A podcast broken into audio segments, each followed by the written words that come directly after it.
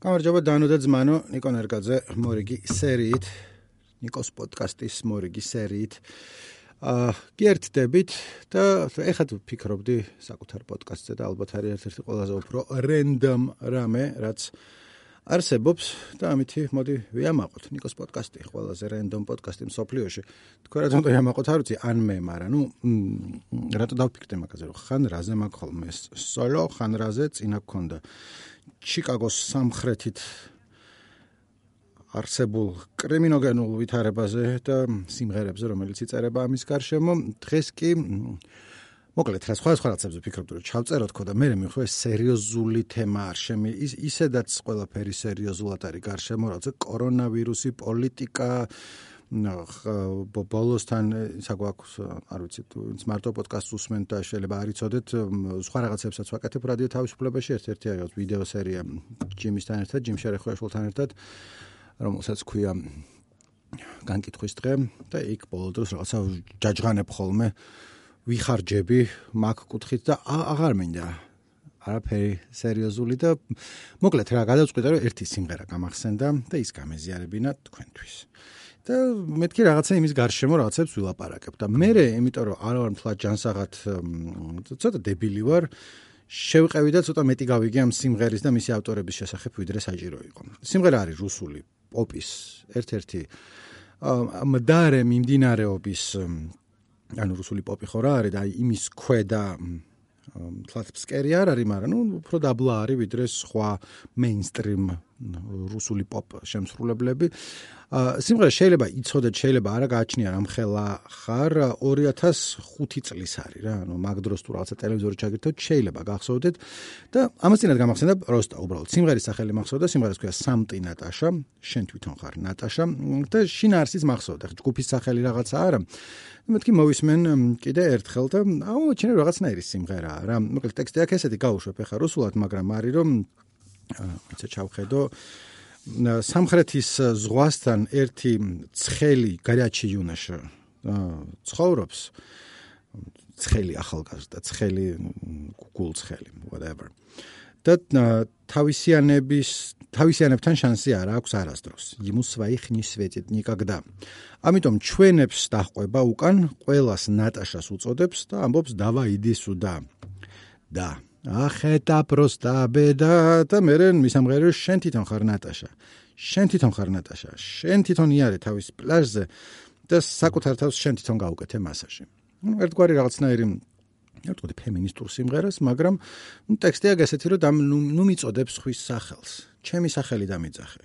ხოლო ჩვენ ქვიათ ალა, ეკაწერინა, მაშა ალბათ მართლა ექვიათ მომღერლებს და რა ვიცი ამაზე ვფიქრობდი რომ როგორი ერთი მხრივ რაღაცნაირი ბანძირუსული პოპ სიმღერა მეორე მხრივ რაღაცა მესიჯია. თქო მოდი გავუშვებ და მე გავაგრძელებ მსჯელობას ამ დიდებულ კომპოზიციაზე. მოიცა მოიცა. ანუ როგით ხარით უკეთესი ჩანდა და რომ დაიწყება ეს და ჰაბიბის პონჩი გაკეთებული არაფერი ორიგინალური ამ სიმღერაში არ არის. გარდა მისამღერისა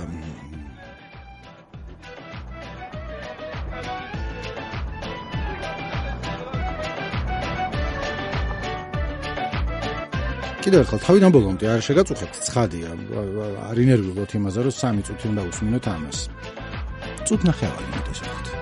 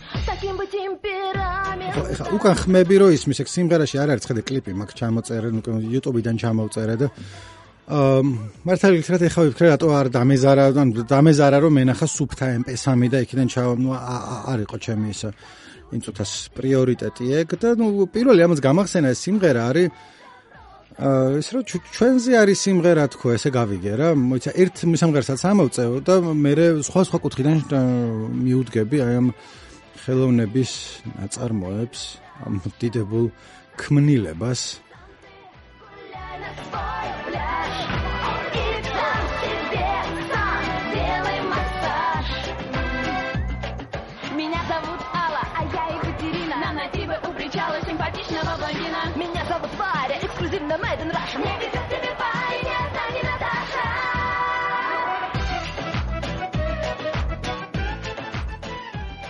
ეჭვი მაქვს რომ სიმღერის ჩაწერიდან კლიპის გადაღებამდე ჯგუფის წევრი შეიცვალა ერთი, იმიტომ რომ ტექსტში წერია რომ меня зовут Маша, эксклюзивно Made in Russia. და ეხლა გავიგე რომ меня зовут Варя აშკარად სხვა სახელს ამბობს. ხო და აი რაზე ვფიქრობდი რომ ერთი მხრივ აი ჩათვალე რომ ჩვენზე არის სიმღერა. არა მაინც მაინც ქართველებზე, თუმცა ქართველებზეც. არამედ აი ვიღაც სამხრეთის ზღვასთან ცხოვრებ ახალგაზრდებზე რომელიც ზადიანენ ნატაშა იდესუდა რო ამბობენ და რუსებისთვის ცოტა სულ ერთია ეს ქართველი არის აზერბაიჯანელი ერთ უზბეკი არის დაახლოებით ერთი ხალხი ვართ ყველანი ბევრი მათთვის. და ხო ნუ რაც შერეული გზნობები ქონდა ერთი მხრივ რომ აი იმდენად შეწუხდნენ რუსი კოგოები ნატაშას სახილით რომ სიმღერა დაწერეს. მეორე მხრივ ისეთი სერიოზულად რასისტული სიმღერა არის რასისტული არის შავკანიანების მიმართ არა ჩვენს მიმართ იმიტომ რომ აშკარად სამხრეთელი ბიჭები არ უნდა, თორე ტექსტში მაგით დავაბრუნე, თორე მანამდე გავუშვებდი. меня зовут Алла, я Екатерина, нам найти бы упречала симпатичного блондина. ანუ ჩვენო ქერა გვინდაო. და ეს შავები რო გვეძლევიანო, რა პონტიაო და ნატაშას გვეძახიანო, ის ბლანდინები ხო სულ იმას ვაირას და დაირას ეძახიან ერთი და ნუ რა მნიშვნელობა აქვს. და ასევე ტექსტი რომ ინიაზავთ გინდა ვარია იყოს გინდა მაშა ექსკლუზივნა made in Russia. ჩემი გაგებით იგულისხმება რომ არ ექსკლუზივნად მინდა made in Russia და არა რო მაინდა მაინც რუსი ვარ, იმიტომ ესეც გასაგებია რომ რუსია. აა ხო და მოკლედ ეს შერეული გზნობები მქონდა რომ ერთხრივ გასაგებია მათი გულის ტკივილი, ვიღაცები რომ დასდებენ და ნატაშას ეძახიან, არ არის ალბათ სასიამოვნო. მეორე მხრივ ეს რაღაცა ზევიდან ყურება სხვა ერის შვილების ულამაზოა თან ასევე ის არის რა. აა როცა ჩავხედე მე ვიკიპედიაში სხვა სხვა სტატიები წავიკითხე ამაზე, მაგრამ კიდევ ერთხელ შე გამაქვს, ანუ არ იყო აუცილებელი რომ შემესწავლა ეს, მაგრამ ნუ შევისწავლე, აქ ავართ, ეხა სადაც ვართ. ეს სიმღერა იგულისხმება, რომ არის გასტარბაიტერებზე. თუ სიტყვა გასტარბაიტერი არის, იცით, გერმანული სიტყვა არის წარმოშობით. ესე უწოდებდნენ მაინც ყოველთვის 2000-იანი წლების დასაწყისში რუსეთში სამუშაოდ ჩასულ სხვა ხალხს, როგორც წესი, შავ ტრაკებს ჩვენნაირებს, ანუ ქართველებს, აზერბაიჯანელებს, უზბეკებს, შეიძლება მოლდოველი იყოს იქ და რომლებიც როგორც ჩანს სულ გათავხედნა, მოკლედ გასტარბაიტერი ისე კარგად ჟღერს ეს სიტყვა, მაგრამ რეალურად ჩამოთრეულს ნიშნავს, ოღონდ უფრო ზრდილობიანად და იმდენად რომ მოიცა აი მაგას მოუბრუნდები ახლა, მაგრამ მე კიდე რაზე დავფიქრდი, რომ მეთქე ხა სიმღერა ამათ დაწერილი ხო არ არის. ანუ ეს არის ჯგუფი შპილკი და ანუ რო ფიქრობ იმაზე რომ დასხდნენ და შეწუხდნენ და დაწერეს ხო იასნია რომ მაგათ დაწერილი არ არის მეთქი და ცხადია რომ არ არის. ანუ სიმღერის ავტორი და ზოგადად ჯგუფის ავტორი შემქმნელი და რაღაცა სულის ჩამდგმელი არის ეგეთი ტიპი რუსი პაეტ პესინიკ ლიბრიტისტ როგორც თავის თავს უწოდებს ლიბრეტისტი ალექსანდრ იელინი რომელიც რომა არის ეგეთი ტიპი ძველი დროიდან რუსეთში მოღვაწეობდა 80-იან წლებში მეტალ სიმღერებს წერდა, ტექსტს წერდა, ჯგუფი არიასთვის ან ცნობილი ჯგუფებისთვის აქვს დაწერილი. მე წავიდა ისრაელში, იქ იყო кай ხნის განმავლობაში, მე ჩამოვიდა და დაიწყო პოპ რაღაცეების შექმნა. და ერთ-ერთი პირველი ცნობილი რაც შეუქმნია არის კალების ჯგუფი პაიუშიევ მესწე, რომელიც ალბათ არა გაქვთ გაგონილი, რომელსაც აქვს სიმღერა, რომელიც ალბათ გაქვთ გაგონილი. აა ეს სიმღერა ტაკოვა კაკ პუტინ. თუ არ გახსოვთ, გაგახსენებთ ახლა.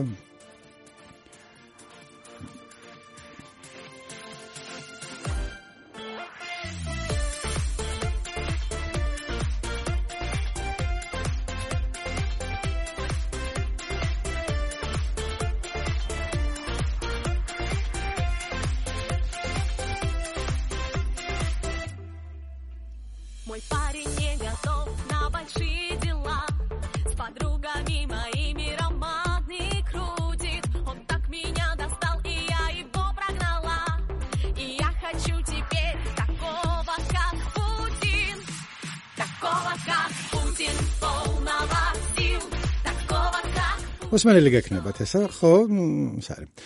თუ ჩავხედავთ ვიკიპედიაში ეს სიმღერა აღიარებულ იქნაო წერია და მე ვნახე ვილის მიერ იქნა აღიარებული და მასკოვსკი კამსამოლეცის მიერ როგორც ყველაზე სულელური რუსული ესტრადის ყველაზე სულელური სიმღერა. პირველ ადგილზეა გასული და არ დავიზარე და გადავედი მასკოვსკი კამსამოლეცის სიაში, სადაც ნახსენები იყო, რომ ამ სიმღერის ავტორი არის ალექსანდრე იელინი, რომელიც ბოლო დროს ცნობილია ჯგუფი შპილკის შემოქმედებით, რომელთა პირველი სიმღერაც სამტი ნატაშა ძალიანაც საჭირო სიმღერა იყო, იმიტომ რომ ვიღაცას უნდა დაეწერა ამ გათავხედებული გასტარბაიტერების შესახებო. ნუ რა მაგაზე ყველა შეთანხმებულია, რომ სამტი ნატაშა ჩვენი ამბავი ანუ ძალიან გათავხედებულები ვიყავით და ვიღაცას უნდა დაეჯვა ჩვენზე და ნუ ის კარგი იყო და სხვა შორის მე კიდე გადავედი ამ ვიდეოს სამტი ნატაშას აქ ერთი კლიპი, მეორე კლიპი და რაღაც ლაივ შესრულებები და ყველას ქვეშ წავიკითხე კომენტარი, რომ აბა ქართველებს რას წერენ თქო და არასად ქართველი ნახსენები არის თურქებზე არის ძირითადად. სულ ლაპარაკი ეჭვი მაქვს რომ 2005 წელს იქნებოდა. ქართველების ხსენებაც მაგრამ ნუ ომამდე არის რა ჩაწერილი და მთელ ამბებამდე და ეხა აღარ არის ეგეთი აქტუალური ჩვენი სახელის ხსენება იქ whatever არ ვიცი რა რაღაც ის კი არა მაქვს რაღაც დასკვნისკენ მივდივართ. უბრალოდ სამტი ნატაშა მინდოდა რომ მომესმენინებინო თქვენთვის და მე კიდე მოусმინე რაღაცეებს და ეს რაღაცეები იყო ანუ პირველ ადგილზე იყო ტაკოვაკაკ პუწინ ყველაზე სულელური სიმღერების ჩამონათვალში. და მეორე ადგილზე იყო გრუპა შპილკის სიმღერა მალინკაა შტუჩკა რომელიც დაინტერესდი მეთქი რა არის მალინკაა შტუჩკა იმიტომ რომ აშკარად რაღაცა პატარა ასე ითარგმნება ვინც რუსულენობით პატარა რაღაცა ესეთი იქნება თარგმანი. და არის ყველაზე უფრო ერთ-ერთი ყველაზე უფრო უცნაური სიმღერა რაც მომისმენია იმიტომ რომ მალინკა შტუჩკა არის ორმაგი მნიშვნელობით აქ. ერთი არის ტელეფონი ანუ იმ დროს როცა ეს სიმღერა ჩაიწერა პატარა ტელეფონი იყო უფრო სასურველი ვიდრე დიდი ტელეფონი. ეს არის iPhone-ამდე და smartphone-ებამდე 2005 წელი რაღაცა მაგ დროს. და ამიტომ რაც უფრო პატარა ტელეფონია მით უკეთესია. მაგრამ მეორე მნიშვნელობა არის მალინკა შტუჩკა ასე თქვი სიტყვების თამაშია ამავე დროს პატარა პენისზე არის ლაპარაკი. და არ მომისმენია ბევრი ჰიმნი პატარა პენისის საკებრობის აი მოდი ჩაგერთავთ სიმღერას და კიდევ ერთხელ თავიდან ბოლომდე არ იქნება უბრალოდ რაღაც მომენტში რაღაც მომენტში ის შემოდის რეპის ნაწილი შემოდის და მინდა რომ ისიც მოკასმენოთ. ესეც კლიპიდან მაგ ჩამოწერილი სამტინეტაშა იმიტომ დაიწყო რომ კლიპი ასე იწყება რომ ეს ქალები უყურებენ თავისივე კლიპს სამტინეტაშას და შემდეგ კაცის ხმა ეუბნება რომ ახალი დავალების დრო არისო. ნუ ჩარლის ანგელოზების პონჩია გაკეთებული რომ ეს გოგოები არიან ჩარლის ანგელოზები და თავად ჩარლი არის ალექსანდრ იელინ პაიეტ პესნიკ ლიბრიცისტ რომელსაც მოუბრუნდებით კიდე.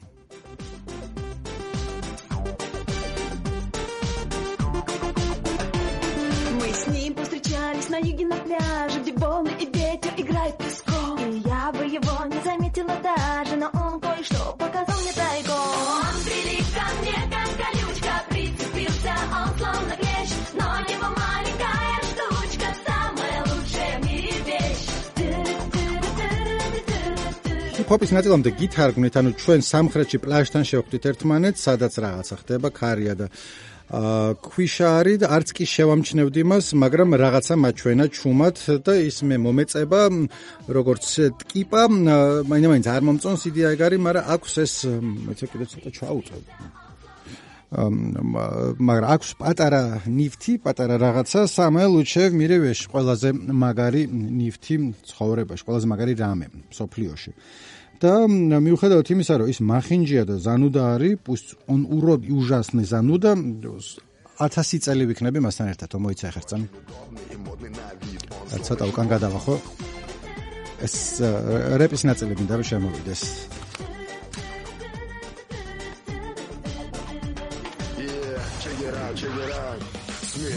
крошка, держи его крепче Он очень удобный и модный на вид Он словно живой тебе что-то нашепчет О самом интимном наговорит Мой черный мобил это не развлечение Давай-ка люби его всей душой И помни размер имеет значение Маленький лучше, чем очень большой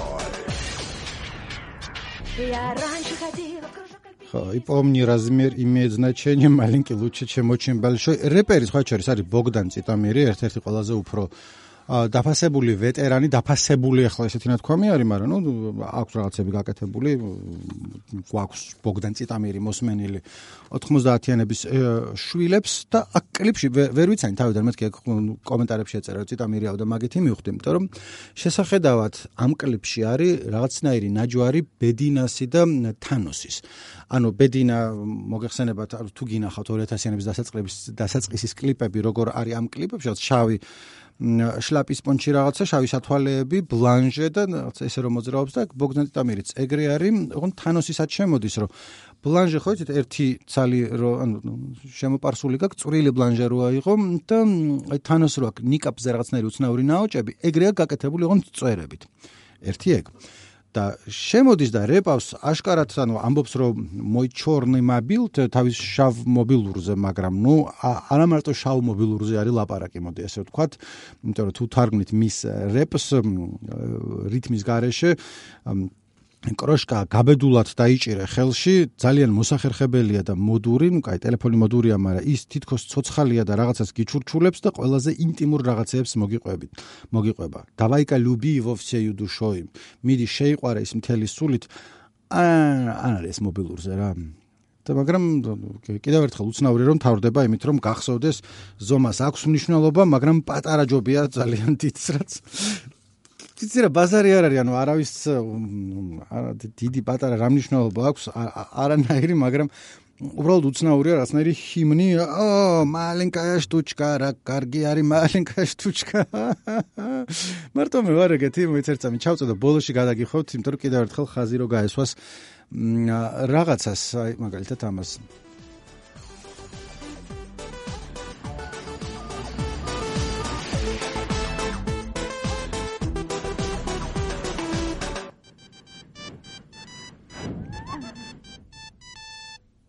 понравилось? Здорово. э, კარგი, ანუ вам понравилось კი არა, თუ თუ თუ თუ თუ თუ თუ ბოლოში რომ თავდება მაგის მუღამი გეტყვით რა არის, რა ხან არის 2005 წელი. მაშინ მუსიკოსები და რაღაც მუსიკოსები თვითონ ეს გოგოები რა ფულს შოულობდნენ, ალბათ ხებს მიქონდათ მაგისი მაგათი რაც შემოსავალი იყო. მაგრამ შემოსავლის ნაწილი მოდის რინგტონების გაყიდვიდან. ანუ გემახსოვრებათ, რომ მანამდე ვიდრე smartphone-ები იქნებოდა გაყიდვაში, მუღამი იყო, რომ ვიღაცას ჩამოწერდი რინგტონს, ფასს გადაიხდიდი რაღაცა, რამდენიღაცა რუბლს და შემდეგ შენ ტელეფონზე გექნებოდა დაყენებული ზარი. მაგისტვის არის ბოლოს ეგ იმენა მაგისტვის, რომ მე რინგტონები გაიყიდოს. აა ასე გაუგებარია ვინ იყიდდა ამ რინგტონს, მაგრამ დაწმუნებული ვარ არაერთ ადამიანს აქვს ეს გაკეთებული. ძალიან უცნაური ის აქვს. ვიკიპედიაში შპილკის რუსულ ვიკიპედიაში შპილკის შესახებ მოთხრობელი, იმიტომ რომ ყველანაირი ვიკიპედიის წესებს არღვევს და თავიდან არის იმაზე ლაპარაკი საერთოდ ტაკოვაკაკ პუწინზე და მე ეს რაღაცა წერია რომ ეს სიმღერები დაწერეს კატო სიმღერები რომელსაც აერთიანებდა ნივიდნე ნიპრისტოინესი ვულგარნესი ანუ ჯერ არ ნახული უხამსობა და ვულგარულობა ჯგუფის მონაწილეებს არაერთხელ განიხილავდნენ პროსტიტუციის კონტექსტში. Образ участников группы неоднократно обсуждался в контексте проституции. Так ეს არ არის. წყარო არ არის მითითებული, ანუ რას ნიშნავს რომ ჯგუფის წევრებს განიხილავდნენ პროსტიტუციის კონტექსტში ან რომ ბოზებს გვანანო? იყო ლაპარაკი და შემდეგ დამატებული არის რომ თუ უფრო მეტი წონა რო შესძინონ მგოგოების გარეგნობის განხილვას, რომ ცნობილია, რომ ერთ-ერთი გასტროლის დროს მომღერლები სექსმუშაკებად მიიჩნიეს. ანუ известно, что на одной из гастролей певец приняли за проституток. და ორი წყარო არის დასახელებული, რომელსაც გადავედი, ანუ იქ მოყოლილია, რომ სადღაცა იყვნენ მოსკოვში იცნობენ ამ გოგოებს, მაგრამ სადღაც წუმენში თუ სადღაცა იყვნენ რესტორანში თავიანთ პროდიუსერთან ერთად და ვიღაც ტიპი მივიდა და თქვა, რომ ესენი რაღირანო და მე პროდიუსერმა რაღაც უხეშად უპასუხა და დაიწყო ჩხუბი და მე ეს კაცი იბოდიშებდა რომ მე მეგონაო რომ ესენიო ისინი იყვნენ საქმუშაკებიო თავის პატრონთან ერთადო და მაგიტომ მივედი ვარ მინდოდა შეურაცხყოფის მიყენებაო. რაც ხო რა ვიცი ანუ მე თვითონ ხა ადამიანების გარეგნობაზე ან ჩაცმულობის არჩევანზე არ გავაკეთებდი კომენტარს თუმცა შპილკის აქვს სიმღერა სახელწოდებით შპილკი სტოეძენიკ, რომელსაც მოგასმენინებს what the fuck. შპილკი სტოეძენიკ არის ასევე სიტყვების თამაში, შპილკი ხო არის თამაში გასაკეთებელი შპილკა, არის მაღალქუსლიანი ფეხსაცმელი, შპილკა ფეხსაცმელი და არის ჯგუფის სახელი. და ამ შემთხვევაში სიმღერაში ისმის ასე რომ მე ღარიბი ტიპი აღარ მინდაო, მილიონერი მინდაო, იმიტომ რომ შპილკი სტოეძენიკო, ანუ ფეხსაცმელები ფული ღირსო. მაგრამ ამავე დროს სრულიად თავისუფლად გაიგებ მეორე მნიშვნელობას სიმღერის სათაურში რომ შპილკი სტოეძენი, ანუ ჯგუფის წევრები, შპილკები ღირს ფული.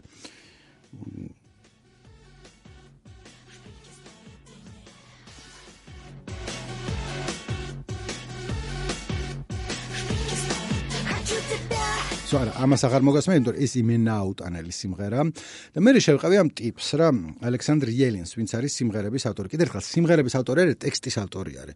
მაგრამ არის რაღაცნაირად რუსეთის გარკვეულ წრეებში ცნობილი ტიპი, რომ განიხილავენ ხოლმე, ერთი იყო, რაზეც იყო გაბრაზებული, რომ შპილკიზე დაიწერა ძალიან ცუდი რეცენზია, სადაც იყო ნათქვამი, რომ ეს არის დნო და ამის ქვევით ფსკერია და იმის ქვევით არაფერი არ არის და ეს იელინი აშტერებს ხალხს ჩემთვის საძულველი ეგეთი მიდგომა რომ ვინმე ხალხს ასულელებს და აი ნახე როგორ ცუდად აკეთებს პასუხობს რომ კი არ ვასულებ ხალხს რასაც უნდა იმას ვაძლევ და რაღაცა რამდენიმე არის ერთის რეცენზია იყო მე ამისი რაღაც პასუხი არ ვიცი პასუხი სად იყო მაშ ფეისბუქი არ იყო მაგრამ რაღაცებს ჩხუბობს რომ არა ვარო მე ეგეთი ხალხს რაც უნდა იმას ვაძლევო და მაგრამ ეს თან იმის კონტექსტში განიხილება რომ ეს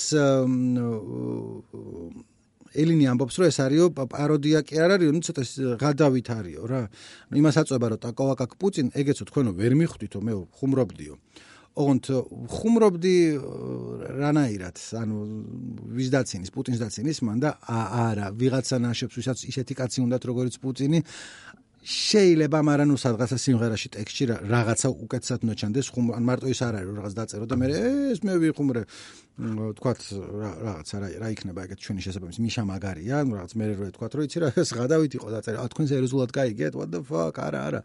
გადაობდით ამ ტიპს აი ყველაფერზე აქ ეს თავდაცვის ისა რომ არა ხუმრობდი ხუმრობდი. იმიტომ რომ მანამდე მე აქ ალბათ შეიძლება 2005 წელში წერდა იმას თუ 2004 წელში რავი როცა იყო ტაკოვაკაკ პუტინ ეხაც წერს პუტინზე სიმღერებს თუ არა და ეხაც წერს პუტინზე სიმღერებს ოღონდ აი ეს არის ჯგუფი რაბფაკ რუსული როკ ჯგუფი რომლის სიმღერაც ერთი პერიოდი იყო ერთ-ერთი არჩევნების წინ პოპულარული აი სიმღერა რომლის სათაურიც არის ნაშ დურდომ გალასუეთ ზა პუტინა ეს არის ალექსანდრ იელინის დაწერილი ტექსტი და ითარგმნება ესე რომ ჩვენი საგიჟეთი ხმას აძლევს პუტინს. ამჯერად ის არ არის. პუტინი მოგწონს სიმღერა არ არის, უფრო პირიქით არის. Почему вместо завтра сегодня вчера Пусть расскажет нам доктор про нефть и про газ Ты не продал индусам какой пидорас Кто отнял народа Газпром и Лукойл Нет ответа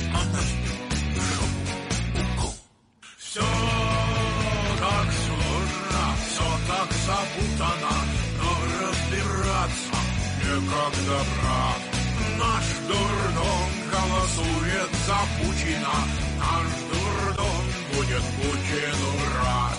Все так сложно, все так запутано, რაღაცნაირი სიმღერა, რომელსაც უკრავდნენ ოპოზიციურ შეკრებებზე, როგორც ახლა წავიკითხე იქა, რომ რამდენიმე მიტინგზე რუსი ოპოზიციონერები სამ სიმღერას უშვებდნენ და სულ მაინტერესდა რომ რა ტიპია? ესა რომელსაც დაწერილი აქვს ტაკოვაკაკ პუტინ ტექსტი და მეორე ნაშ დურდომ გალასუეძა პუტინა. და მოდი მესამე სიმღერასაც მოგასმენინებთ თუმცა ამაზე ხა დანარჩენებიც არ იყო კაი ხარისხით ეს იმენა ძალიან დაბალი ხარისხი იმიტომ რომ ცალკე YouTube-ზე არისო ვნახე რაღაცა ინტერვიუ რომელსაც ეს იელინი აძლევდა რუსულ რადიოსადგურს და იქ იქ იყო ეს სიმღერა და იქიდან ჩამოვწერე.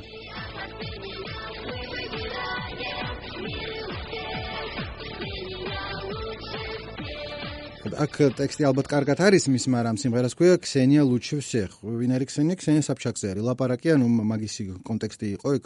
მე რამდენად ვამბობ სიტყვა კონტექსტს. ბოდიშს მოვიხდიდი, მაგრამ არა, ფეხზე მკიდია კიდე ვიტყვი, იმიტომ რომ მიყვარს ეს სიტყვა. მაგრამ ყოველ შემთხვევაში ისინი ის არის რა, ინტერვიუ არის, ეს სიმღერა გაუშვეს ქსენია ლუჩევსეხ. და ეს ინტერვიუს დროს ეკითხება ტიპი რა რომ საიდან მიხვედი ვაკ ტაკოვაკაკ პუწინიდან აქამდეო და ის ასევე ამბობს რომ ესაც ბოლომდე სერიოზულად არ დაუწერია. ანუ ეს სერიოზული სიმღერა არ არისო ქსენიას საარჩევნო შტაბში მე არა ვარ ვიქო არც იციან რომ დავწერეო. ანუ ბოლომდე აწובה რომ თან აიფობს თან პაროდია თან არ არის პაროდია თან აშკარად ქსენიას აძლევს ხმას იქ მე ლაპარაკობს რომ ანუ ეს არისო რა.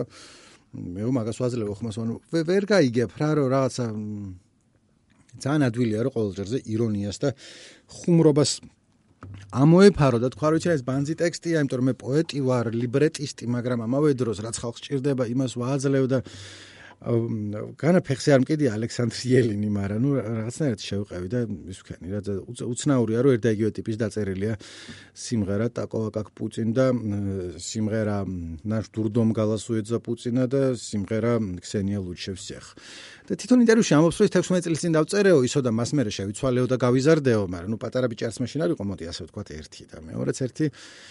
აა ბოლომდე იმას აწვევიან, რომ აი თავის დროზე დაიჯერეთ, ხო, რომ ეს და კოაკაკ პუტინ, ესეც სიმღერა იყო, ნამდვილი სიმღერა იყო და დანარჩენიც ეს სამტი ნატაშა და მალინკა შტუჩკა ისინიო გადავებიაო რა, რა პრობლემა არისო, ცოტა უკაიფობთო რუსულ ესტრადაზეო, თუმცა იგივეს ვაკეთებთ, რასაც ისინი აკეთებენო. და რაც შეეხება იმას უხამსობას და ვულგარულობას, ეს შპილკი არ იყო ერთადერთი პროექტი იელინის, რომელიც გააკეთა და მანამდე მქონდა ჯგუფი კისკი. რომელიც იმენა არავის არ ახსოვს, რომ მეც არ ვიცოდი და ის სადღაცა ერთი სიმღერა ვიპოვე მარტო, სიმღერას ქვია поцелуй меня в живот, ниже, ниже, ниже вот. ყველა სიმღერა არის საშინელი. ყველა სიმღერა იწყება ტანანანანანანანა რაღაცა მესმის რომ რუსულ ესტრადას არ მოეთხოვება რაღაცების სიღრმე და მუსიკა, მაგრამ ნუ აი ცოტა მაინც რაღაცა ხო უნდა იყოს.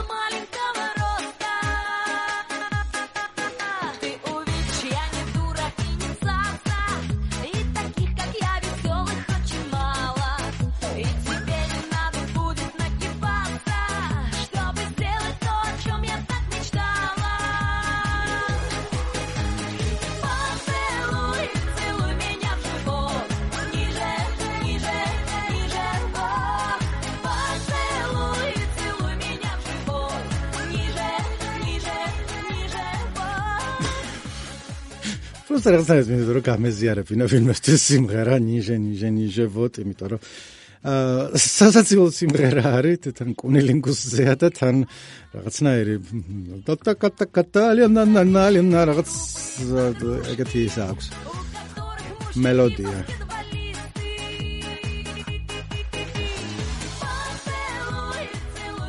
ანუ აზრი არის ესეთი პრინციპში ეს მართლა იუმორისტული სიმღერა ჩემო დაქალებსო ჩემს დაქალებსო კალათბურთელი ქმრები ყავთო და მე უფრო დაბალი ბიჭი მინდაო, იმიტომ რომ დახრა არ დაჭirdესო. ბაცელოე, ცელოე მინიაჟება.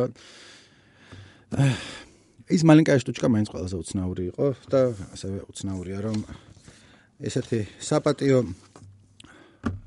პუბ საპატიო გამოცემა როგორც არის მოსკოვსკი კამსამოლიც პირველ და მეორე ადგილას ყველაზე უფრო სულელური რუსული ესტრადის ყველაზე სულელური სიმღერების სიაში აყენებს სწორედ აა ალექსანდრ იელინის დაწერილ სიმღერებს. ანუ სხვა სხვა სათქმელი მაინც არაფერი არ მაქვს. ანუ იდეაში ეს მინდა რომ სამ ტინეტაშა მომესმენებინა თქვენთვის და მე როგორც ჩვევია ხოლმე მივყევი რაღაცა რას ფიქრობს ხალხი რა ხდება და ვერაფერიც ვერ გავიგე რა ხდება. რამდენიმე ბანძი სიმღერა მოვისმენეთ რომელიც შეგვეძლო რომ არ მოგვესმინა. არაფერს არაფერს არ დაგვაკლებდა, მაგრამ მაგრამ მოვისმინეთ. იმიტომ რომ ეგრე იყო საჭირო. წავედი მე ხა დავიშალეთ. აა ბოდიში თუ რამე უფრო სიღრმისეულს ელოდით, მაგრამ ესე როგორც ის არის რა, რუსკე რულეტკა понимаете, ხან აა ხან არის სერიოზული რამე, ხან არ არის, ხან ვინიცის რა არის. წავედი ხა ვიდრე სუმთლად ის მიქნია. მოიდა ნელა აწიე დებილო, ჩემთვის ეუბნები. და წავედი ხა დავიშალეთ, კარგ დღეს გესურვებთ.